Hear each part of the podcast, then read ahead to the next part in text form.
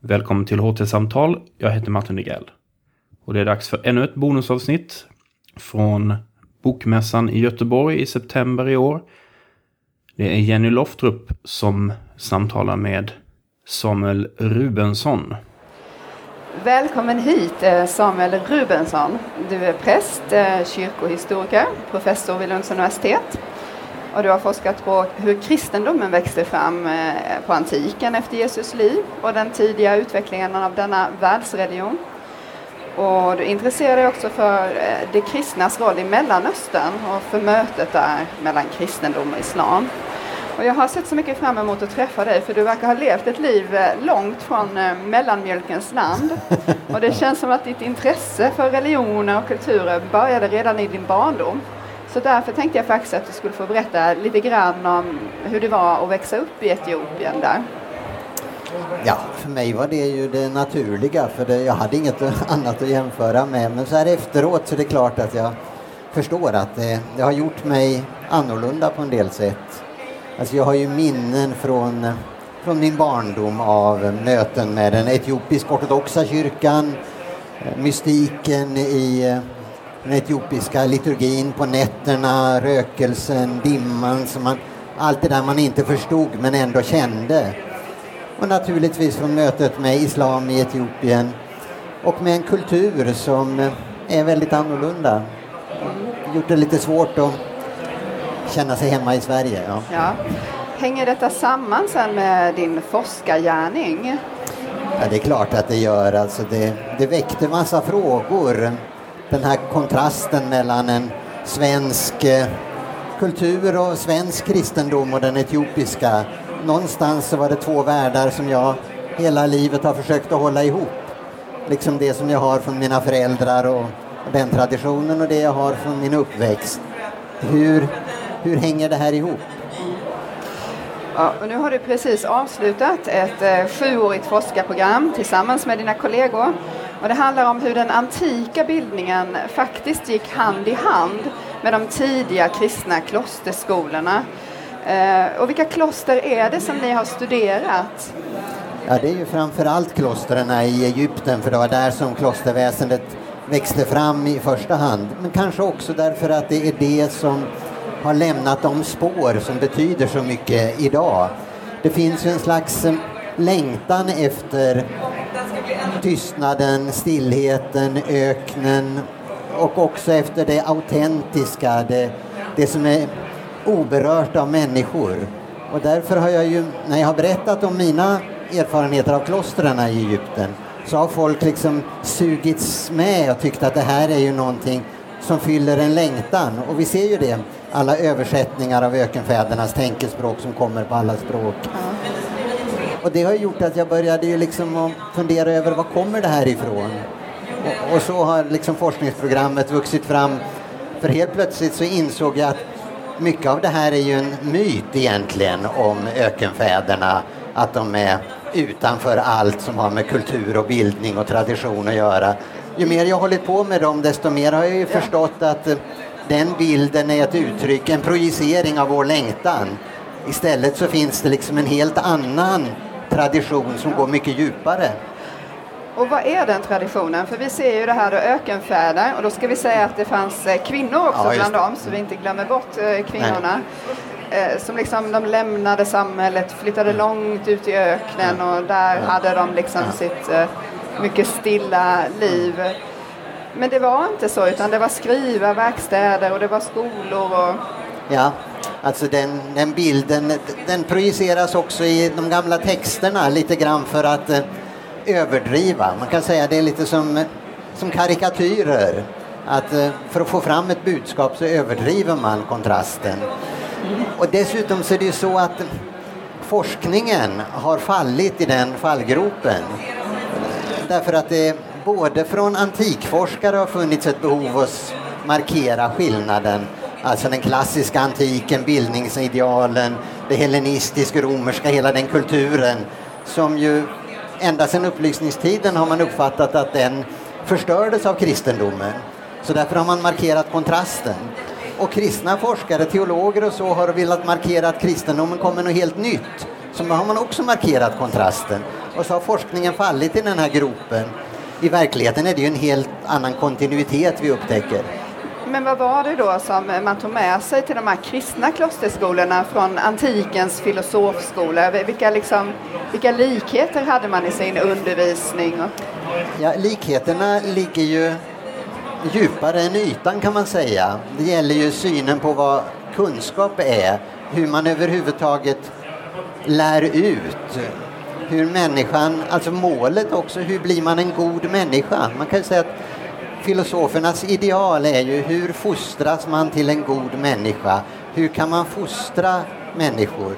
Och då, en viktig del av det är ju traditionen med apoftegmata, som är ett gammalt grekiskt uttryck, alltså visdomsord och små anekdoter. Genom att tillägna sig dem, memorera dem, så skapar man inom sig förebilder. Och hela det systemet togs över. Men istället för referenser till Homeros och, och Platon så har man referenser till Bibeln. Men det är egentligen precis samma ideal och precis samma metod. Du har ju studerat det här som kallas för tänkespråket väldigt noga och det är då olika aforismer som till exempel munkarna skulle meditera över för att komma längre och så. Och du säger ju att det här språket är en klassiker, det är vida spritt över hela världen och översatt till många. Men hur kommer det sig att man inte vet när man träffar på det? För jag hade aldrig hört ordet eh, tänkespråk innan. Men vi har mött det allihopa, vi som är här, eller? Ja, alltså, det beror naturligtvis på vilka kretsar man rör sig eller så. Men jag tror också att eh, med upplysningstiden så kom ju ett annat bildningsideal som präglar hela vår syn på på kunskap och skolväsende in. Där så att säga, det gäller att inhämta så mycket information som möjligt, bearbeta information för att veta så mycket som möjligt. Det här idealet som ligger i antiken och i den monastiska traditionen handlar ju mer om att bli formad till en människa som följer ett gott mönster och därmed blir en god människa. Det är ett slags annat ideal. Och det är klart att eh, det är inte det som är det allmänna Nej. idag. Så att istället för att försöka ta in jättemycket information så är det att man väljer ut små, viktiga, väl genomtänkta essenser som man liksom ja. försöker eh, ta till sig ja. och leva efter. Därför att det är ju egentligen en helt annan syn på etik. Det, vi har ju en tradition av en slags regeletik, det vill säga det här är gott att göra, det här är ont, det här ska man, det här ska man låta bli. Och så ska man lära sig de reglerna och så ska vi lära ut de reglerna. Här är ju en tanke att det är inte reglerna som människan behöver utan hon behöver dygderna. Det vill säga hon behöver förändra sig själv så att hon så att av sig själv gör det som är rätt och undviker det som är ont. Jag tänker att du är så intresserad av ökenfäderna. Du har sagt att du är intresserad av historiska personer och platser som lyckas omsätta sina idéer och så sätter de stenen i rullning och påverkar oss genom hela historien. Kan du berätta något mer om de här ökenfäderna? Vad var de för människor? Var de bildade eller vilka var de? Ja, det är klart att det, det var ju många olika, men de som jag, de som vi har spår av, det vill säga de som skrev någonting, de som skrev brev till varandra. Och det finns ju en hel del brevsamlingar och jag har ägnat mig åt en, just åt det.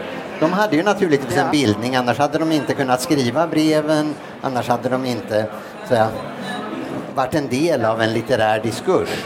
Det var ju ändå i hög grad ett samhälle där muntligheten var det vanliga. Skrivandet var ju exceptionellt. Så att de ledande munkarna tillhörde ju egentligen en elit. Och där kan man ju se hur så att säga de lever i en brytningstid mellan olika filosofskolor som nu blandas i senantiken och den kristna traditionen och anspråket att bibeltexterna är inte texter bara för en judisk nation utan det är texter av betydelse för alla. Och i hela den brytningen så reflekterar de ju över hur, hur ska vi hantera denna mångfald och ändå kunna bevara en enhet. Mm. Du nämnde nu att du kan ju läsa tidiga handskrifter på Ja, det sa du inte, men du kan göra det på flera olika orientaliska språk. Mm. Hur har det gått till när du har, har du fått resa runt i världen och leta upp de här handskrifterna eller hur har forskningen gått till i det hänseendet? Ja, alltså, det var när jag ville lära mig arabiska och jag bodde i Egypten som jag upptäckte en arabisk text som fascinerade mig för att det utgavs för att vara Antonius brev. Och enligt forskningen var Antonius illiterat. Men hans brev fanns på arabiska så då började jag ju gräva i det där och upptäckte ju att eh, de här breven fanns det fragment kvar på georgiska, på eh, syriska, eh, på latin, på koptiska. Och då fick jag ju lära mig de språken.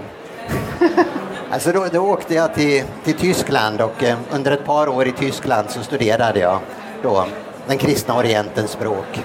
Ja. Och sen reser man då runt till kloster och kanske universitet och så tittar man på hur gamla är de här? 2000 år eller 1000 år? Alltså det finns ju papyrusfragment från Egypten som är 15-1600 år gamla. Ja. De äldsta handskrifterna vi har med en fullständig text är de syriska. Eh, Vi har syriska handskrifter daterade i början av 500-talet. Och det finns ju inga grekiska eller latinska handskrifter som är så gamla med undantag för en del bibeltexter. Ja. Sen finns det ju grekiska handskrifter från 900-talet och framåt, latinska från 800-talet och sedan då georgiska kommer in på 1000-talet. Jag tänker med, men du, när du har gjort det här, du har bott eh, till och från med koptiska munkar under 30 år så har du besökt dem och bedrivit din forskning. Och nu är vi ju här på den här myllrande, högljudda bokmässan. Så jag måste ändå passa på att fråga dig, är det så att de har hittat ett lugn och en stillhet och, och är väldigt nöjda med livet? Är det sån här idyllisk liten värld?